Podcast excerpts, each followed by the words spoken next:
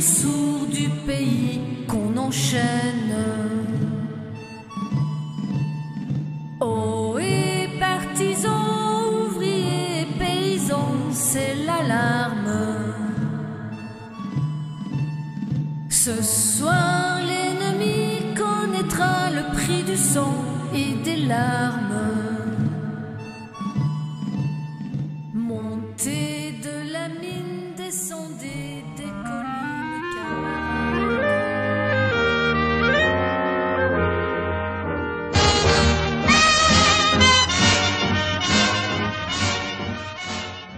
Det här är podden Apans anatomi med Erik och Mattias. I dagens avsnitt har vi tänkt prata om de gula västarna. Om det protestuppror som har pågått i Frankrike de senaste tre veckorna.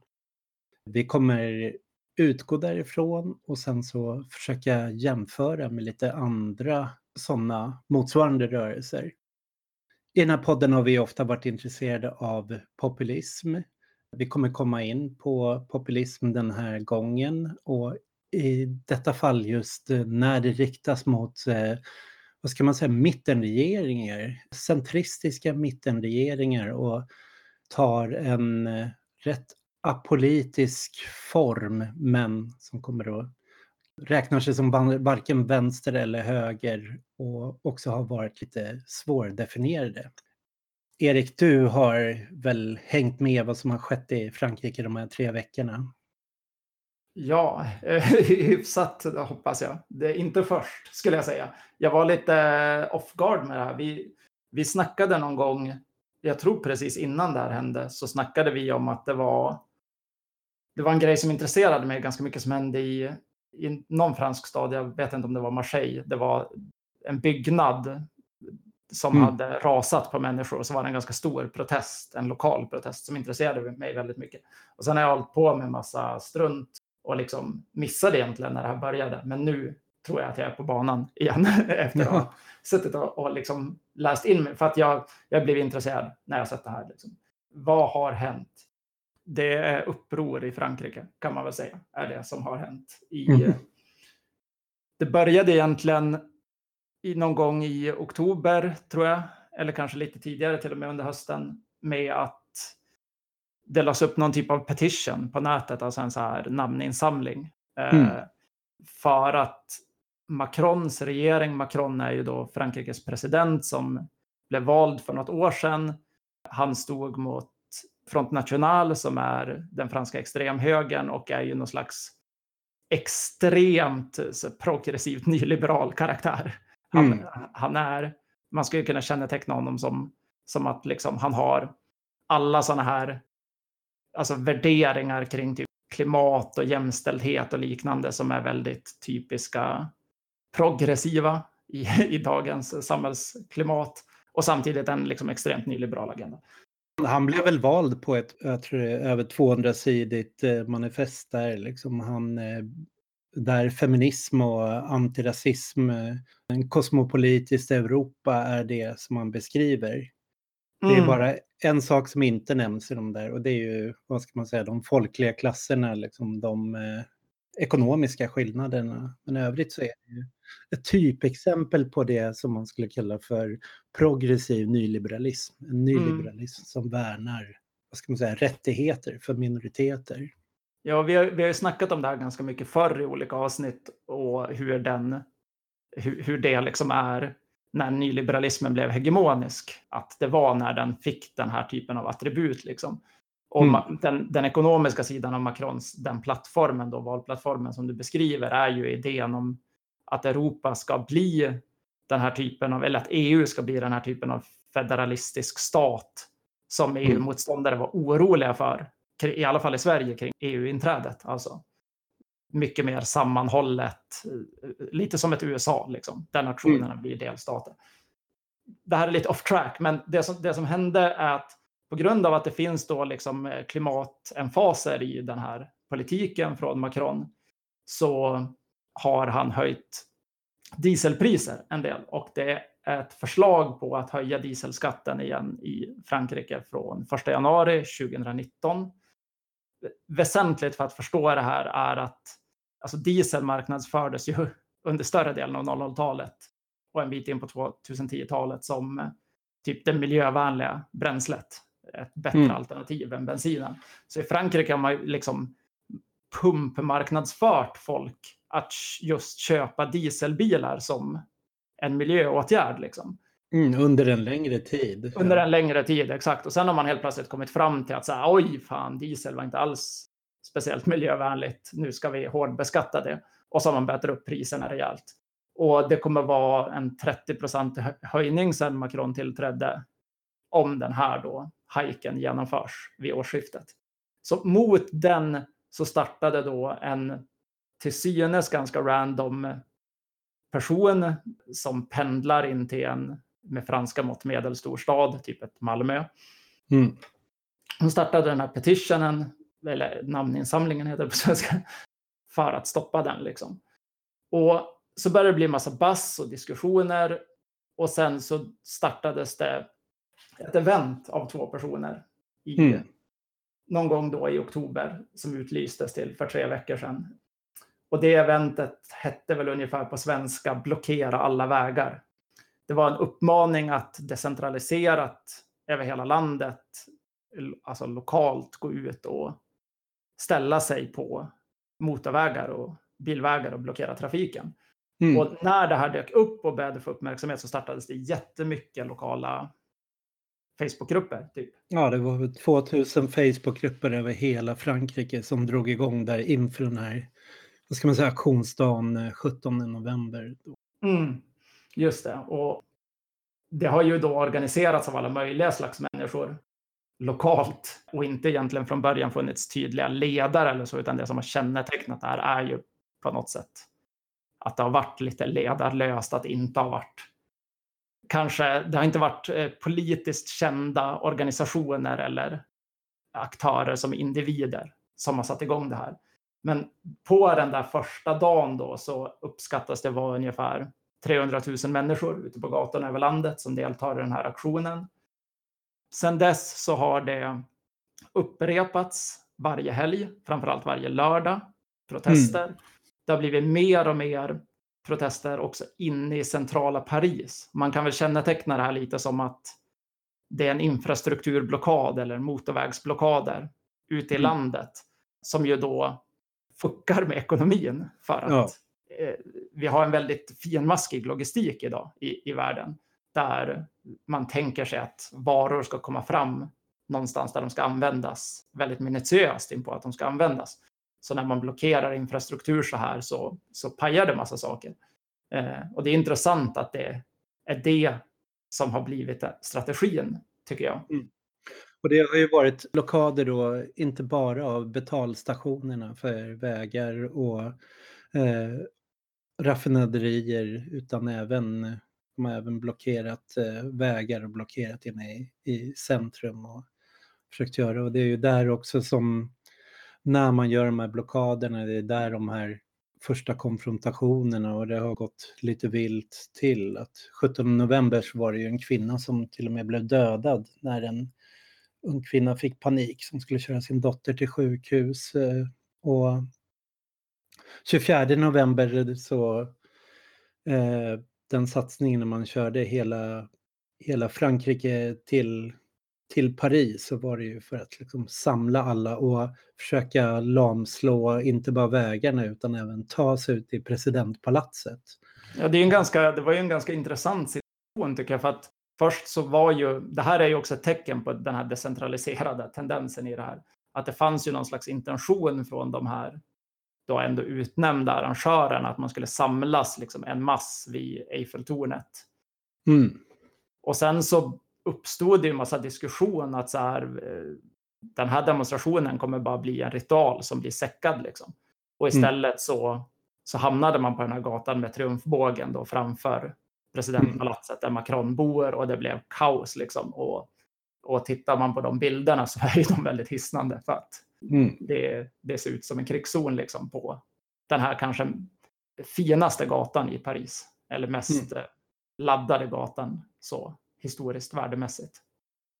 Och det här fortsatte ju då också sen helgen efter, den första december, med ännu större konfrontationer och kravaller vid det tillfället. Ja, och jag vet inte om det är sant, men jag har läst på flera ställen att, att det tolkas som de största liksom upp, alltså kravallerna eller upploppen i Paris sedan maj 68. Vilket väl om det stämmer säger väldigt mycket, för Frankrike är ju inte ett land som saknar protest och kravallkultur. Det är ju ganska rituellt. I, det får man också ha med i kontexten när man gör en sån här beskrivning. Att någonting som är exceptionellt i, i svensk, eh, vad ska man säga, hur, hur man äh, ställer till bråk är. Mm.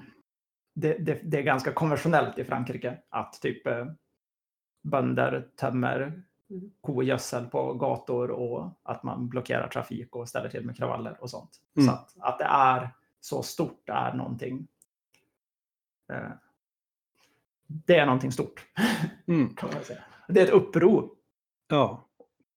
Och nu idag när vi spelar in det här så har det också blivit klart att Macron verkar dra tillbaks det här förslaget och med mm. extra skatt på, på diesel och bensinhöjning. Men eh, varför valde man gula västar som symbol då? Det... Just det, gula västar. Alltså det där uppstod ju också, som jag förstår det, så här lite organiskt i, i online-diskussion. Jag, men jag tycker att det är roligt för att i det förra avsnittet vi gjorde om, vad ska man säga, om alternativ media eller om eh, rörelsemedia i historien, så pratade vi lite om den här typen av mobiliseringar via spontana Facebook-event som kommer från random individer. Liksom, och hur det har hänt. Och jag sa i det avsnittet, där spelade vi in alltså typ två dagar innan det här hände eller någonting. Ja. Eh, så sa jag att jag tror att det här är på väg ut, för jag tycker inte att jag har sett något sånt här på ganska länge. Och sen så hände det här. sen eh, brakade det loss.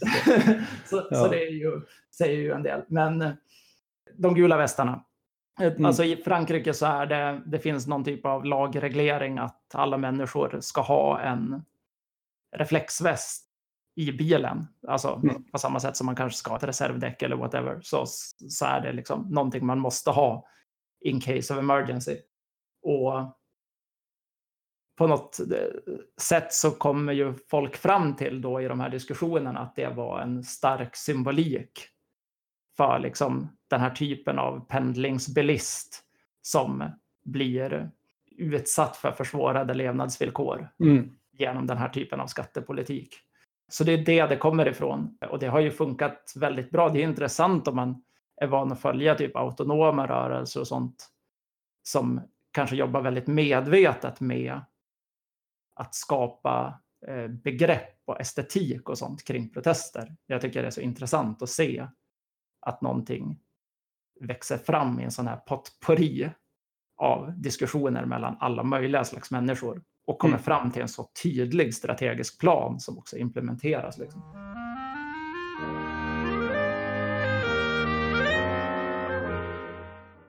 Alltså det är väl så här att det är en typ av lägre medelklass och arbetarklass kan man väl säga som är klassmässigt då den dominanta faktorn.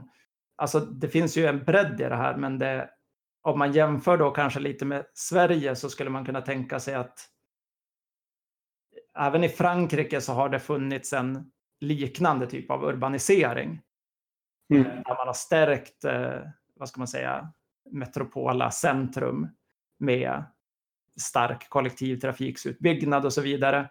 Och så har man periferier som folk pendlar från där service monteras ner, där huspriser befinner sig i stagnation, där det kanske har funnits industrier eller land, jordbruksjobb eller liknande historiskt som successivt har avvecklats som man har liksom pendlingssamhällen.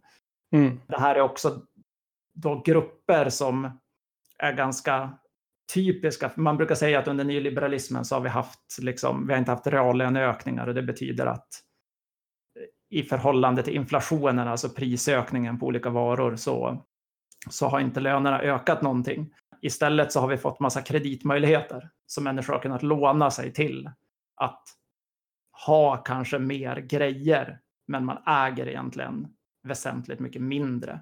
vi rör oss in i en tid där folk de facto har mindre och mindre ägande, eller vanliga människor har mindre och mindre ägande. Och det här Mm. är väl den ganska centrala gruppen i den klassammansättningen. Alltså det är precis de personerna som då har haft den typen av stabilitet, som har haft fasta arbeten i lokalsamhällen med lokal service och så vidare. Och som sen har blivit pendlare med lite osäkrare arbetsförhållanden, högt belånade för hus med stagnerande värden i branscher med stagnerande löner. Så skulle jag vilja sammanfatta det. Men det politiska, det kan väl du kanske lägga till någonting om, för det är ju lite mer komplicerat då. Ja, för det verkar ju som att eh, de här initiativtagarna som hade bildat de här eh, uppropen och Facebookgrupperna, de har ingen politisk bakgrund, utan de har, och många av de som har dykt upp har också varit oorganiserade eller rätt okända. Men när det också bildas en sån här eh, spontant att vem som helst kan eh, starta Facebookgrupper, starta event så har ju, var ju också ytterhögern var ju snabbare att vara framme än, än till exempel vänstern. Så det var ju några av de här företrädarna i lokala samlingar, lokala initiativ som också yttrat sig i media som har haft kopplingar till då eh, Front National eller de heter ju Rassemblement National. Ja, de har bytt namn nu. Men det kanske ännu mer var lite, alltså lite mer grupper i extremhögern. Ja, Alltså, och ytter, yttergrupper. Men de personerna blev ju också väldigt snabbt uteslutna eller plockades bort från de posterna och gavs inte möjlighet att eh, uttala sig mer. Och sen var det ju de som uttalade sitt stöd, det var ju vad man ska säga på vänsterkanten, det var ju Jean-Luc Mélenchon som har den här eh, France Insoumise, liksom eh, det, vad ska man översätta det med? Frankrike okrökt eller det, Mm. det är Frankrike som står upp. Liksom. det är någon slags ganska så här, eh, vad ska man säga, vanligt folk. Daniel Suhonen, eh, populism, lite Ja. mer hårdbarkat än Daniel Suhonen, men ändå den typen av, av så här, eh, den vanliga arbetarklassen, den klassiska arbetarklassen, Mm. retorik liksom. Ja, Eh. så att det var både dem och eh, Marine Le Pen då med sin Rassemblement National som var de som direkt gick ut med sitt stöd. Liksom. Så vad man ska säga den vänsterpopulistiska och den högerpopulistiska rörelsen. Men däremot till protesten, protesten i sig har ju inte burit på några högermotiv alls kan man väl säga, utan det har ju snarare varit en rätt klassisk, eh, vad man ska säga, sociala frågor. Att eh, förutom eh, att riktas mot bensinpriser så har man ju också rasat mot eh, Macron, Macrons nyliberala politik, men framförallt att han har eh, höjt eh, skatterna för pensionärer medan tagit bort eh, förmögenhetsskatten, fastighetsskatten, så att det har varit, eh, hans politik har varit en omfördelning från, från de fattiga till de rika. Mm. Sen ska man väl säga lite också, jag tycker att det är väsentligt med Macron, att Macron har ju extremt nyliberala motiv. Men Mm. det finns också en del utjämnande ambitioner i den där ursprungsplattformen som Macron hade, som, som ju har blivit eh, väldigt effektivt motade i grind av, vad ska man säga, eliter. Mm. Alltså om man ska säga att den typen av förslag som riktade sig mot eliterna i Frankrike har väldigt kraftfullt blivit stoppade av eliterna. Mm.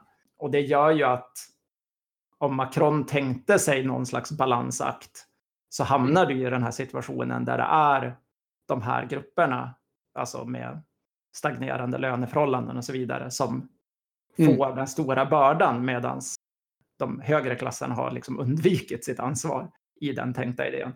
Och det är väl det som föder det här resentamentet liksom, kring så här, de slipper undan, vad fan ska vi liksom?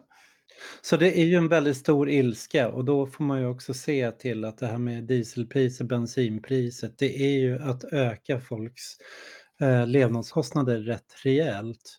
Och därför några av de som tog initiativ till de här långtradarchaffisarna, de var ju också noga med att poängtera att ja, det är inte en antimiljöprotest. Att det här är intressant i och med att det sker precis de dagar som Macron har åkt från G20-mötet i Buenos Aires till åka till Polen och eh, COP24 precis ska börja liksom, för att diskutera hur Parisavtalet ska genomföras. Så det, det, är inte, det är inte att de tycker att man ska skita i klimatförändringen essentially, utan att Nej. eh, det handlar om vem som bär bördan för den omställningen. Typ. Och just den frågan är ju väldigt intressant och jag tror också där vänstern var lite sena att reagera just när det gäller bensinpriserna och förstå det här när det gäller kopplat till klimatpolitiken. Macrons eh, klimatpolitik för att leva upp till Parisavtalet har ju handlat väldigt stor del att eh, skyffla över kostnaderna på vanliga skattebetalare så att säga, eller på i det här fallet liksom bilister. Att eh, för oss är det väl bra, en väldigt bra diskussion att ta, en väldigt bra tanke att ha i huvudet. Naomi Klein skrev ju för några år sedan den här boken Chockdoktrinen, att när man står inför en kris så kan den krisen användas i en omstrukturering som ökar omfördelningen av resurser från fattiga till rika. Att man kan genomdriva nyliberala chockreformer vid krisen och det med den här klimatkrisen att vi har 12 år på oss att genomföra en omställning så finns ju också stora risker att det sker precis som med bankkrisen, att eh, man privatiserar vinsterna och socialiserar eh, kostnaderna, för över mm. det på att de som kommer få betala för klimatomställningen är att det ska läggas ut på, på arbetarklassen, på skattebetalarna så att säga, medan vinsterna kommer inte röras för att det ska vara fortsatt motivation för företagen. Och det är där då är livsfarligt som klimatrörelse att spela med i det spelet och diskutera klimatfrågan som en fråga om konsumtion och lägga en rätt så moralisk, vad ska man säga, moralisk angreppslinje på det. Att säga att det handlar om att vi ska få folk att förändra sin konsumtion och sin livsstil istället för att säga att vi måste sätta press på producenterna, på politikerna att skapa en annan form av produktion, en annan form av inriktning och se till där, där vinsterna görs. Och det är precis som vi pratade i det här avsnittet om eh, fyra framtider. Här står vi och balanserar på två framtider. Vem som kommer få ta klimatkostnaden. Och där blir ju den här gula västprotesten oerhört viktig att förstå. Liksom, att eh, det är den här vägen som Macron och nyliberalismen öppnar för att lösa klimatproblemet på, skälpa över ansvaret på, på oss och att det ja, görs till en fråga om vår konsumtion och vår moraliska mm. hållning. Så. Ja, och samtidigt så är väl det kanske också liksom eh, inneboende det eventuella tillkortakommandet i själva det här protestuttrycket. Att ja.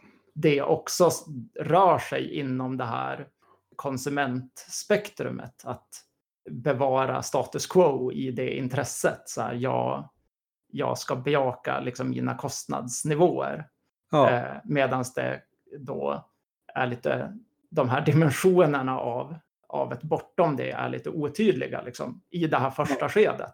Så är det ju väldigt eh, inzoomat på det. Det är väl det som gör att delar av vänstern kan liksom så enkelt falla in i den där mot positionen. Att så här, mm. jaha, men det här är bilister som, som liksom bryr sig mer om sina levnadsvanor än om klimatet, fast det, det här är en ödesfråga. Liksom. Mm. Och så hamnar man i en låsning. Liksom. Snarare än att engagera sig och försöka hitta öppningen och kopplingen mellan de här intressena, liksom, som är det vi snackar om kanske. Mm. Att se att ändamålet måste ju vara både ökad jämlikhet och klimaträttvisa. Det kan inte vara mm. att klimatet ska lösas genom Nej. orättvis fördelning. Liksom. Och då kan vi också se att det har pågått en våg av eh, sociala protester och fackliga protester mot eh, att reallönerna har minskat, att eh, prekariseringen har ökat under bra många år nu. Att först under François Hollande, så, där Macron var, var väl den som utformade ekonomiska policyn så att säga. Mm. Där hade vi det här Nuit Debo eh, upproret med torgockupationer och där både studenter, eh, fackföreningar, eh, arbetare genomförde massdemonstrationer och torgockupationer mot den här nya lagen, Louis Travail, då den nya mm. Eh, arbetslagen, som sen då Macron fortsatte med. Och under Macron så har det också skett fortsatt stora protester, framförallt från järnvägsarbetare, men eh, även studenter mm. det senaste året. Ja men till exempel 12 november så var ju också en så stor demonstration av lärare och 20 november så var det en stor, så här, stor demonstration med sjuksyrror. Så mm. det har liksom kommit en våg parallellt med de här gula västarna och ett intressant möte till exempel det är ju 24 november så de senaste åren har det genomförts jättestora feministiska manifestationer i, i Frankrike, Italien, det här 24 november i år så var det, i Rom var det 200 000 kvinnor som var ute på gatan. För att det är internationella dagen mot våld mot kvinnor. Och i Frankrike så var metoo eh, var en väldigt stor eh, diskussion förra året och där lyckades de omvandla metoo till skillnad från här till en massrörelse som hette Nostotes. Och de, den 24 november så genomförde de manifestationer med 50 000 personer, bara 30 000 i Paris. Och det här är då samtidigt som Gula västarna kör sina manifestationer över hela Frankrike. Och i Paris till exempel, där möts de här demonstrationerna, Gula västarna och den här feministiska demonstrationen. Och Gula västarna liksom välkomnar feministerna, liksom ställer upp. Och... Så att det, det finns liksom ingen sån konflikt mellan gula västarna och andra sociala protester och det är det som eh, skiljer det till exempel att det, att det har påpekats att det här skulle ha liksom högerextrema kopplingar men då, det har inte alls det är inte en, alls en sån rörelse, den har inte alls de dragen, det är inte en anti-invandringsrörelse, de har, de, även om de har varit närvarande och försökt ta sig in har de inte lyckats vinna någon millimeter i den snarare. Nej, alltså man, man, man ska väl tillstå att de elementen är närvarande i meningen ja. att de försöker. Alltså de försöker ju vara en agent i den här situationen i en massa lokala sammanhang. Men det här är också inte en organiserad rörelse i, i meningen av typ en partistruktur eller så, utan det är ju ett, ett, spontant uppror som det ligger ju i, lite i sakens natur av ett spontant uppror att alla tolkningar kommer att tillkortakomma i meningen att vad som händer beror dels på sammansättningen av vilka aktörer som involverar sig då. Eh, mm. och sen också på psykologin mellan alla de som protesterar, vars det tar vägen i de aktörskapen och såklart staten eller makthavarna och deras reaktioner. Liksom. De kan ju ja. reagera på massa, massa olika sätt. Nu sa du att Macron backar lite, men har, vi har också sett bilder på snutar med eh, kikarsikten på hustak och mm. sådana grejer. Det är fyra personer som har dött ja. under de här dag, eh, veckorna, liksom, flera hundra som har skadats och så vidare. Så det är ju liksom, i ett uppror så är det ju det är extremt svårt att säga det kommer att gå si eller så. Och det går inte heller riktigt att bedöma en sån situation utifrån de styrkeförhållandena som mm. rådde i liksom, vad ska man säga, den ordnade politiken innan ett uppror. För att då hamnar man ofta fel. Och det är det mm. jag ser när vänstern är lite undvikande det här, vilket jag inte ska säga att alla vänstermänniskor är, för det finns många, många motexempel, men det finns de ja. som är det. Så är ju det den här tolkningen av att okej, okay, men i Frankrike så har vi en ganska svag vänster idag. Vi har Front National som har nästan aspirerat på presidentposten, alltså en extrem höger som mm. Är eh, on the rise typ. Och vi ser att på grund av den här potentialen i att det här kan knytas samman till en mm. anti-elit populistkritik av extrem högertyp eller ytterhögertyp som ju då brukar kombinera, den vänder ju sig mot den här typen av Macron-personer genom Mm. att kombinera illvilja mot invandring, mot kvinnor, mot eh, klimatpolitik med en viss typ av högerekonomi lösningar. Liksom. De ser ju, de aktörerna finns ju där och du har ju rätt i att de vinner inga, inga tum eller millimeter just nu, men de försöker göra det. Ja, Det är väldigt intressant för att där kan man tänka sig att man vill distansera sig för att inte vara samma som dem, för att inte underblåsa en situation där de kommer att, vad ska man säga, dra det, den längsta pinnen. Vad fan säger man när man gör en sån där? Ja, men du fattar att man, ja. det har vi ju sett i massa andra situationer, hur uppror med väldigt progressiva dimensioner till slut skördas av den mest välorganiserade politiska aktören, som i, Mm. i Nordafrika där man hade då Muslimska brödraskapet till exempel, som var väsentligt mer organiserade efter Mm. upproret att eh, träda in i den situationen som, som uppstod när Mubarak hade fallit som diktator. Ja. Liksom. Ja, faktiskt en av de intressantaste texterna om gula västarna är ju skriven av den här amerikanska anarkistgruppen Crime Think som har gjort en lång text om det. Och de, eh, de diskuterar just hur man kan gå in och verka inom gula västarna och tar upp även den här högerdimensionen. Bara ett kort citat här. Så här. Vi behöver studera populistiska sociala rörelser under centristiska regeringar för att kunna identifiera sätten som högergrupper försöker kapa dem och tänka ut hur vi kan hindra det. Ja, jag tycker de är rätt mitt i prick med den här artikeln, hur de går in. Och då är det ju också, den här manifestationen, eller Gula västarna, har ju verkligen profilerat sig som apolitiska. Att de har betonat att de är spontana, horisontella och att de är utan ledare. Att de har, efter det här problemet med högerpersoner som uttalar sig så har de ju sista veckan utsett åtta officiella talespersoner som har fått uttala sig. Men det är ju väldigt oklart vilken väg det kommer ta. Men om vi tittar på motsvarande sådana här proteströrelser världen över så har ju även när de har haft vänsterkaraktär eller högerkaraktär så har ju högern ofta varit bättre på att ge ett politiskt eller ett partipolitiskt uttryck för de Mm. rörelserna. Ja, precis som du sa, skörda det, även om det var en social rörelse med sociala dimensioner. Så här.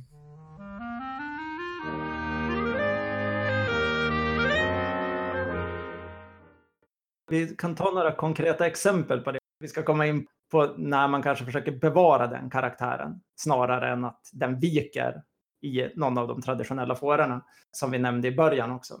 Under 2010-talet eller efter 2008 ekonomiska krisen så är kanske de två mest kännetecknande situationerna tycker jag att nämna är då dels Ukraina som man väl får säga de Majdan-protesterna. Man hade ju då Janukovic, hette han så? Viktor Janukovic. Mm. Han var, han kom ju från de här, han var ju någon slags eh, parlamentariker i, i Donetsk östra Ukraina, var väldigt ryssvänlig och blev president i Ukraina under ganska tvivelaktiga demokratiska förhållanden i det där valet. Sen så blev det ett uppror, i, igen i samma mening som det som pågår i Frankrike nu, verkligen ett uppror.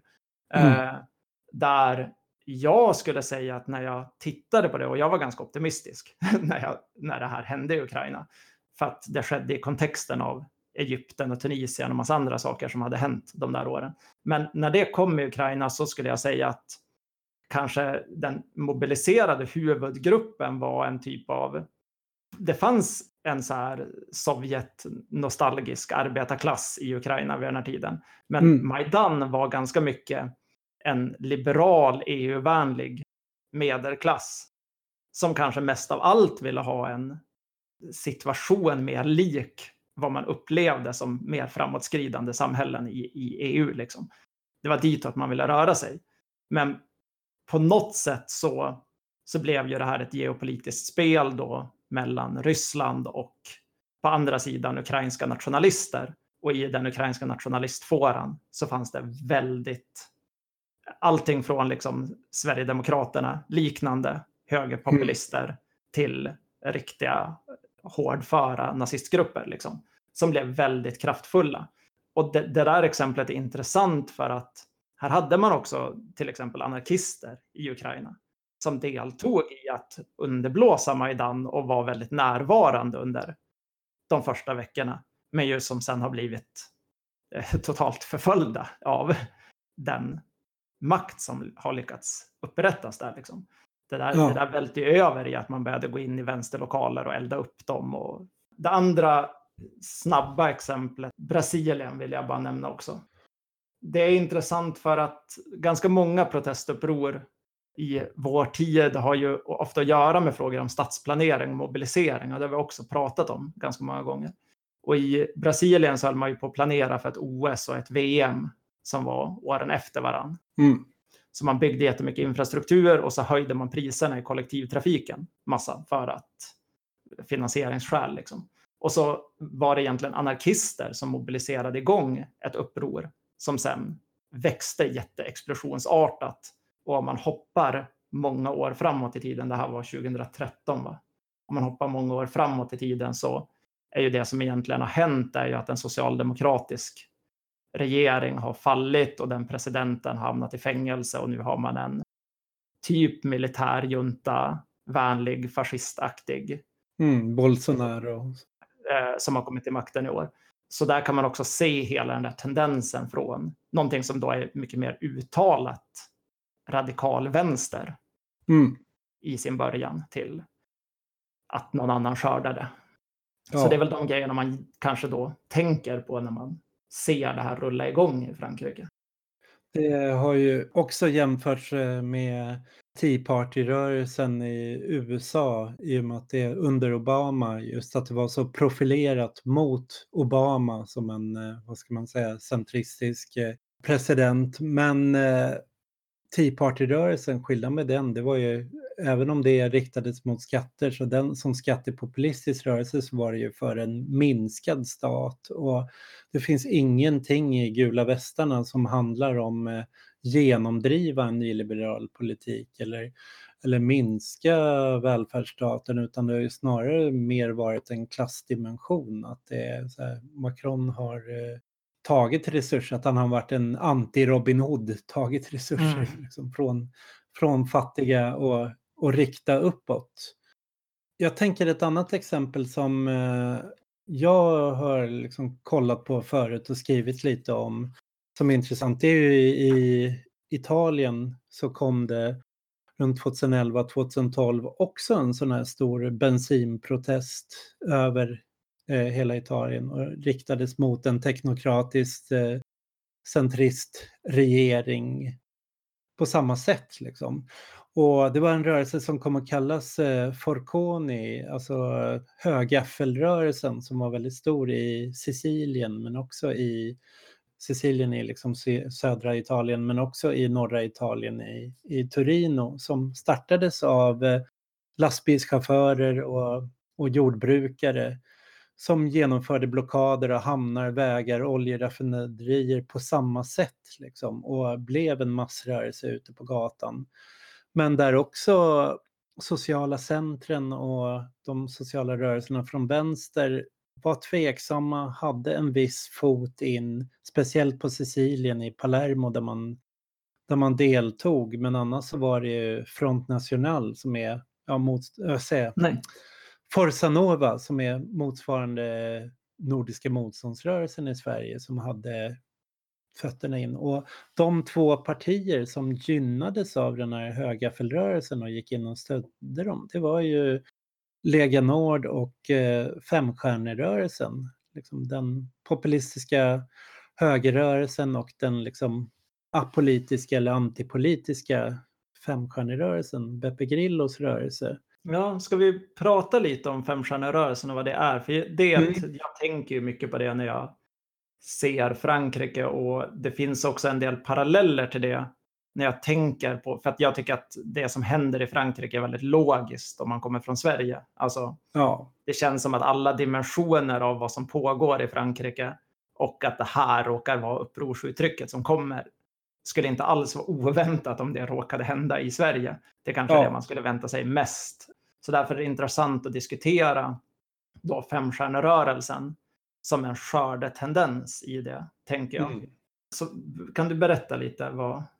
Alltså det intressanta med femstjärnerörelsen, det är det är lite som när vi hade Ny Demokrati i Sverige, att Ny Demokrati var inte ett vanligt parti du blev medlem i, utan det var ett franchiseparti. Det var några ägde namnet, så fick du lisa det. Så här.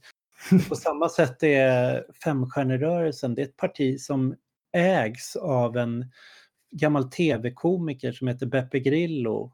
Beppe Grillo han var så stor tv-komiker på 70 80-talet men som sen blev avstängd från tv och har skämtat om socialistpartiets korrupta ledare. Så han kom att bli liksom som en symbol i kritiken av den politiska korruptionen.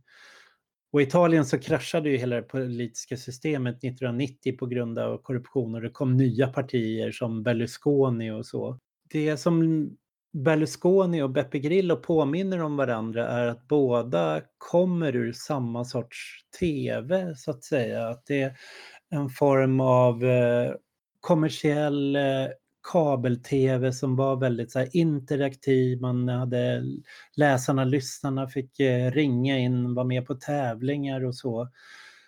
Så Berlusconi byggde sin populism från den tv-formen och hur han kommunikativt använde det. Beppe Grillo som kom, eh, han blev tidigt en populär bloggare och han la sig väldigt nära alla så sociala rörelser på 00-talet som globaliseringsrörelsen och rörelserna mot eh, vattenprivatiseringar och miljörörelsen. Han använde sin blogg som en slags envägskommunikation där han släppte videos och rapporter och, och, texter. Så han ställde aldrig upp i mediedebatter, han var aldrig i liksom en enda politisk samtal utan han, han använde den här bloggen och skapade möten med sådana så kallade meetup-forum och skapade det här partiet utifrån den. Han höll en manifestation eh, som han kallade för V-Day som var både samspelat på Vi for Vendetta och Vafankulo som betyder liksom dra åt helvete-dagen. Och hans hans populism byggde mycket på det här antipolitiska då, att han, han förklarade att hela det politiska systemet var en politisk kast. Precis samma som Podemos använder sig av. Och han förklarade att han är inte som Occupy för de 99 procenten utan han är för de 100 procenten, de 100 procentens parti.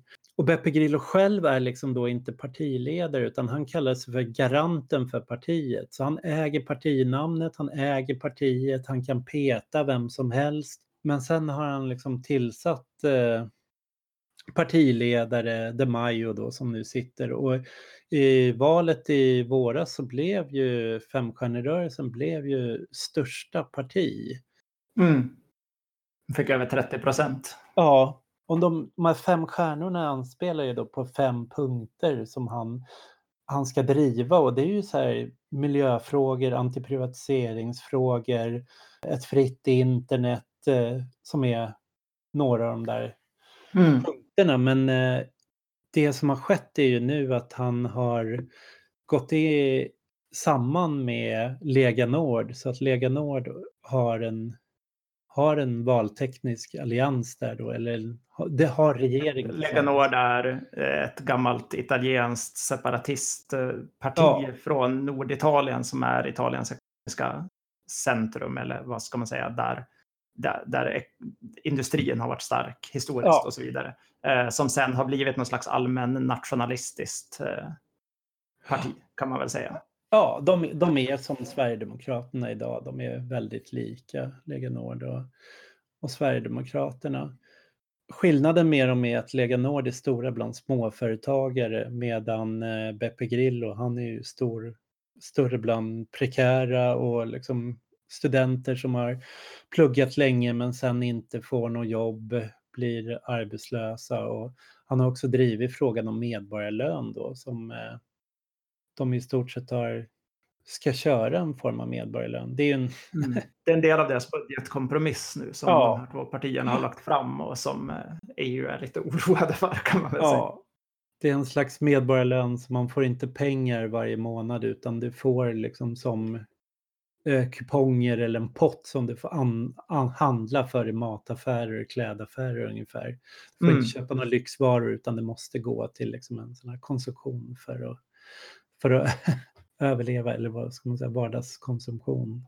Ja, men alltså jag, jag, jag, tycker att, jag tycker själv då att femstjärnerörelsen är jävligt intressanta för att Mm. om man skulle prata med typ en, en insatt vänsterperson i Sverige som har lite koll på europeisk politik så skulle den personen säga att det här är ett högerextremparti.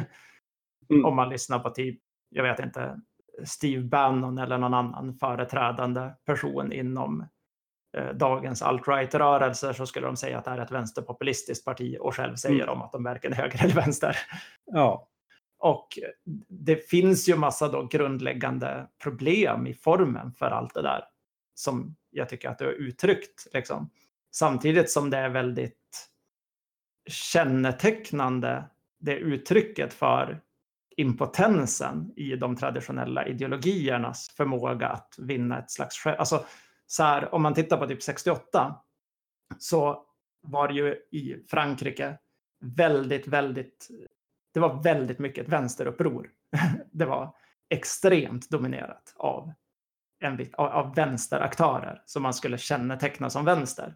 Och det är väldigt många människor som vill hävda att det momentet vi är i nu internationellt är ett motsvarande högermoment, alltså ett slags 68 för högern. Liksom. ja, Vilket jag tror är en felaktig analys för att det, högern lyckas ju inte heller vinna hegemoni i sådana här uppror. Liksom. Man lyckas kanske ibland skörda dem kortsiktigt, men det är inte, det är inte liksom man är inte alls en hegemonisk aktör när de väl utspelar sig på det sättet som man, om man skulle titta på maj 68 i Frankrike. Mm. Så om det skulle vara det vi tittar på nu i Frankrike så skulle ju det vara helt alltså det skulle vara extremt dominerat av extrem högeraktörer. De skulle inte vara där och försöka dra i lite strån utan de skulle vara hela rörelsen. Liksom. Eh, och det är de inte. Eh, Ja. Utan rörelsen är ju då snarare det här som Beppe Grillo kanske försöker förvalta vidare till ett par- partipolitiskt uttryck. Någon slags konstig sammankokning av en önskan om så här socialdemokratiska jämlikhetsanspråk, ska vi kalla det det, för en ny tid. Alltså Mm. reformer som eh, förbättrar de ekonomiska förutsättningarna för den lilla människan. Typ. Ja. Eh, Det är det medborgarlön är i tanke. Och sen ett, ett liksom demokratiideal, alltså en idé om att det finns eliter som är orörliga som måste ryckas ner. Eh, att makten måste återbördas till de breda folklagren, typ. Mm. Men det är ju också både Lega Nord och Femstjärnerörelsen, även om de står långt från varandra politiskt, och det som har förenat dem så är ju det, det gemensamma är ju att de har varit mot centrismen. Det är Mm. där de har kunnat enas, att de har varit Mm. mot Monti, teknokratiska regeringar som har lydit under Europeiska centralbanken, varit EU-skeptiska. Det har varit den gemensamma punkten och om man ser liksom motsvarande protester i olika länder så har ju i Spanien har ju Podemos lyckats fånga upp delar av det där. I Grekland har vi Syriza som lyckades fånga upp liksom missnöjet med PASOK, socialdemokratin, liksom den Mm. centristiska socialdemokratin. Fast det var ju en så mycket mer eh, löjeväckande centrism. Alltså det var ju inte riktigt Jo, en jo. centrism av den typen i Grekland, för det var ju en, en eh, regering, li, lite som Sveriges socialdemokrater, som har Ja. hela självbilden av att så här, vi är gamla goda socialdemokrater, typ. Vi pratar om klass ibland och sådär. Och sen så kom det en jättesvår kris och så bara implementerade man chocknedskärningar Mm. och klarade inte av det. Liksom. Ja. Så det var ett väldigt snabbt hopp. Liksom. Macron har ju det här i... Han tycker... Det här är ju hans politiska plattform. Alltså, det är ju det Jo. här han... Han han ser ju inte det här som en anpassning till en krass realitet, utan som en vision. Liksom. Han tror Jo. på det federativa Europa som ska bli klimatvänligt och superfeministiskt och antirasistiskt tolerant. Liksom. Så det, det tänker jag är en skillnad. Liksom. Ja, men det jag vill eh, säga lite var att det känns inte givet vad det politiska uttrycket ur det här kommer bli. Vilket som skördar av den här proteströrelsen. Om det blir Front National eller om det blir Mélenchon. Då är det ju intressant att titta lite på eh, Mélenchons eh, Frans Insoumis, eh, eh, den, den rörelsen, hur eh, de fick ju bara 20 procent i presidentvalet. Men de har ändå byggt upp den här rörelsen snarare som en aktionsorienterad rörelse mer än ett parti. Det är ju en allians av olika vänsterpartier, kommunistiska partier och gröna partier. Men eh, som en aktionsorienterad rörelse så använder de Saul Alinsky's modell för organisering som vi pratade om i det här avsnittet, poddavsnittet om Alinsky. Och de har ju Mm. lyckats skapa en rörelse då med 500 000 medlemmar som har byggt upp sin egen tv-mediekanal, Le Media, som är ett självständigt då. De har byggt sin egen skola för att då Ecole Insoumise som skolar den här formen av Alinsky-organisatörer och genomför karavaner runt om i, i Frankrike där de fungerar genom att rådge folk hur de ska få, få sina rättigheter, hur de ska kunna få bidrag eller lönehöjningar. Som, så att det, Melancon har ju verkligen varit den kraften som har kanaliserat eh, motståndet eller missnöjet mot eh, Macron. Och det är väl det som är eh, bådar mer väl i Frankrike än att tänka sig att det skulle bara vara det enda givna är att det är Le Pen som kommer casha in på det här Mm. missnöjet. Så att säga. Och man kan väl hypotetiskt tänka sig att, alltså, jag tänker att det jag vill nämna med femstjärnerörelsen är kanske för mig hypotesen att ingen av de här kan skörda. Att, de, Mm. att så här, det är två svaga krafter med gamla ideologier som inte den gruppen som är ute på gatorna, de här miljoner människor som är mobiliserade just nu i Frankrike, kommer inte att känna igen sig i den lite för traditionella typen av vänsterretorik som han som jag inte kan uttala namnet på, som du just nämnde, eh, har. Men de kommer inte heller känna igen sig i den här, för jag menar Front National eller vad fan de nu heter nu för tiden, har ju en väldigt, de, Mm. är ju, de, är ju, de har en fascistisk bakgrund. De är ju inte ett så här lite öppet högerpopulistiskt parti, utan de är ju väldigt, har ju en väldigt stark historia i det, det fascistiska facket. Liksom. Vilket märks ibland och jag tänker att det också kan vara svårt för, för många som är aktiva i den här rörelsen att svälja att det här skulle inordnas i något slags narrativ där huvudpoängen är att man ska köra ut invandrare. Typ.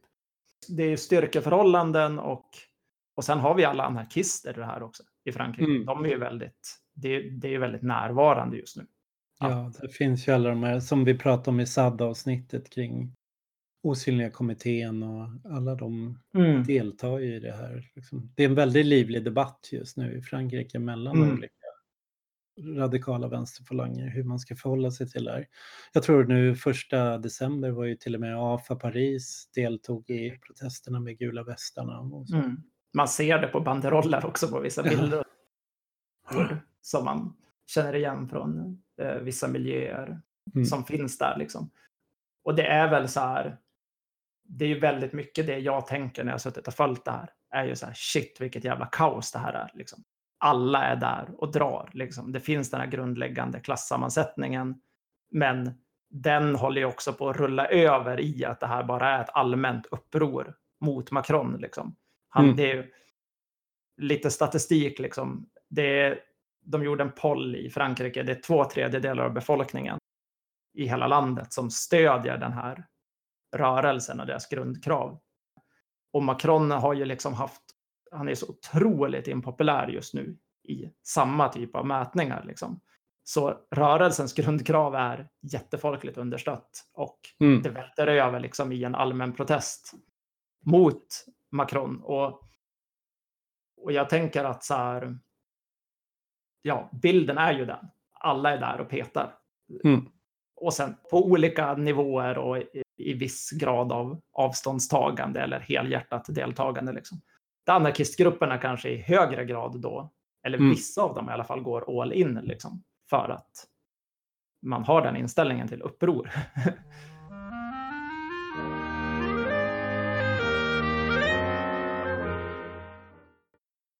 Ska vi försöka dra några lärdomar för Sverige? Göra några kopplingar hit eller?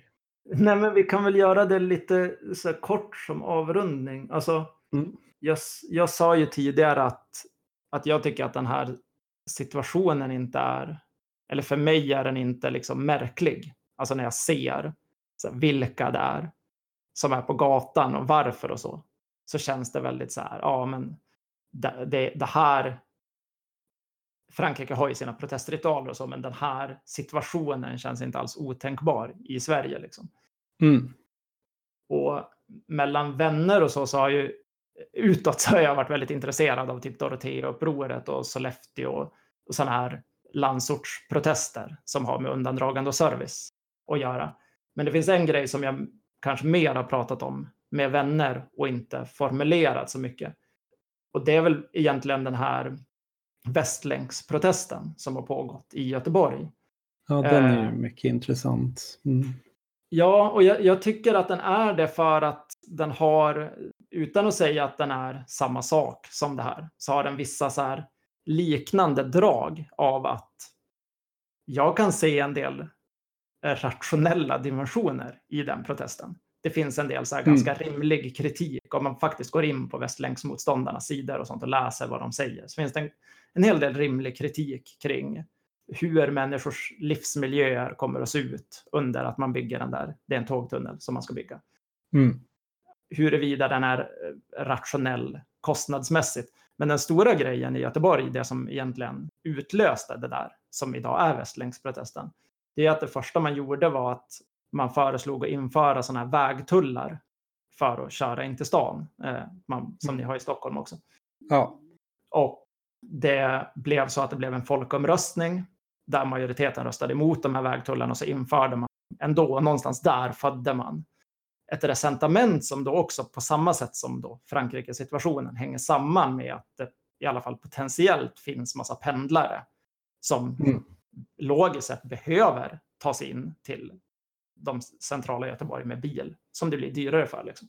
Och om man har följt den situationen med lite distans, för jag har ju, är- är inte så involverad i vänstergrupper i Göteborg, men om man har lite distans så, så kan man se att här finns det också någon typ av klimatargumentation i botten. Att Ja. man ska stärka pendeltågstrafiken, det av klimatskäl eller hållbarhetsskäl eller liknande. Man har en väldigt centristisk och arrogant agenda inför missnöjet. En, en konsensus typ, i kommunpolitiken som har lett till att det har dykt upp missnöjespartier och sånt. Och om man tittar på vänsterns inställning till, till det här så har man då också varit ganska arrogant inför det och eh, vad ska man säga, parat sig med centristerna till att ha gått över till att försöka utdefiniera det här som någon slags hög, ytterhöger-protest, liksom, eller Mm. överklassbottnad protest. Vilket man säkert kan hitta en del argument för, men jag tror att man missar poängen i att se hela situationen. Liksom. Så jag tycker att Västlänken är intressant och kanske framför allt för att det har gett upphov till det här partiet som har ställt till det så jävla mycket i Göteborgs fullmäktige nu, Demokraterna.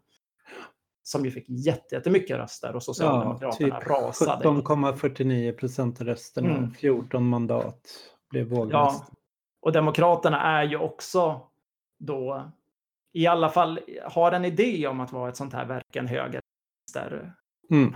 liksom. Som vänstern jättegärna säger att de är höger, men högern kan inte tolerera och samarbeta med dem riktigt. Och, alltså, det är komplicerat, men jag tror att utan att dra jättestora växlar på det så är det man, man kan kasta in det exemplet bara för att se att så här, här finns den här typen av paralleller och man, om man tittar på hur, hur vänstern diskuterar den situationen så ser man också vänsterns tillkortakommanden inför att ha en komplicerad agens i det.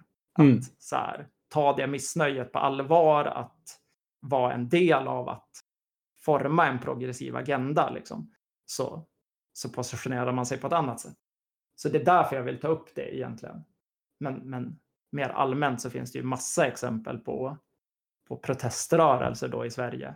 Framförallt på landsorten, som, eller i avfolkningskommuner, som inte vill definiera sig på vänster-högerskala. Ja. Som har den här karaktären av att kanske ha ganska klassiska då, socialdemokratiska omfördelningskrav. Men som extremhögern är lite intresserad av i Sverige också. Alltså, mm. Vi gjorde ju ett program eller avsnitt som heter Lokala partier där vi gick in mm. i detalj och tittade på de olika partierna.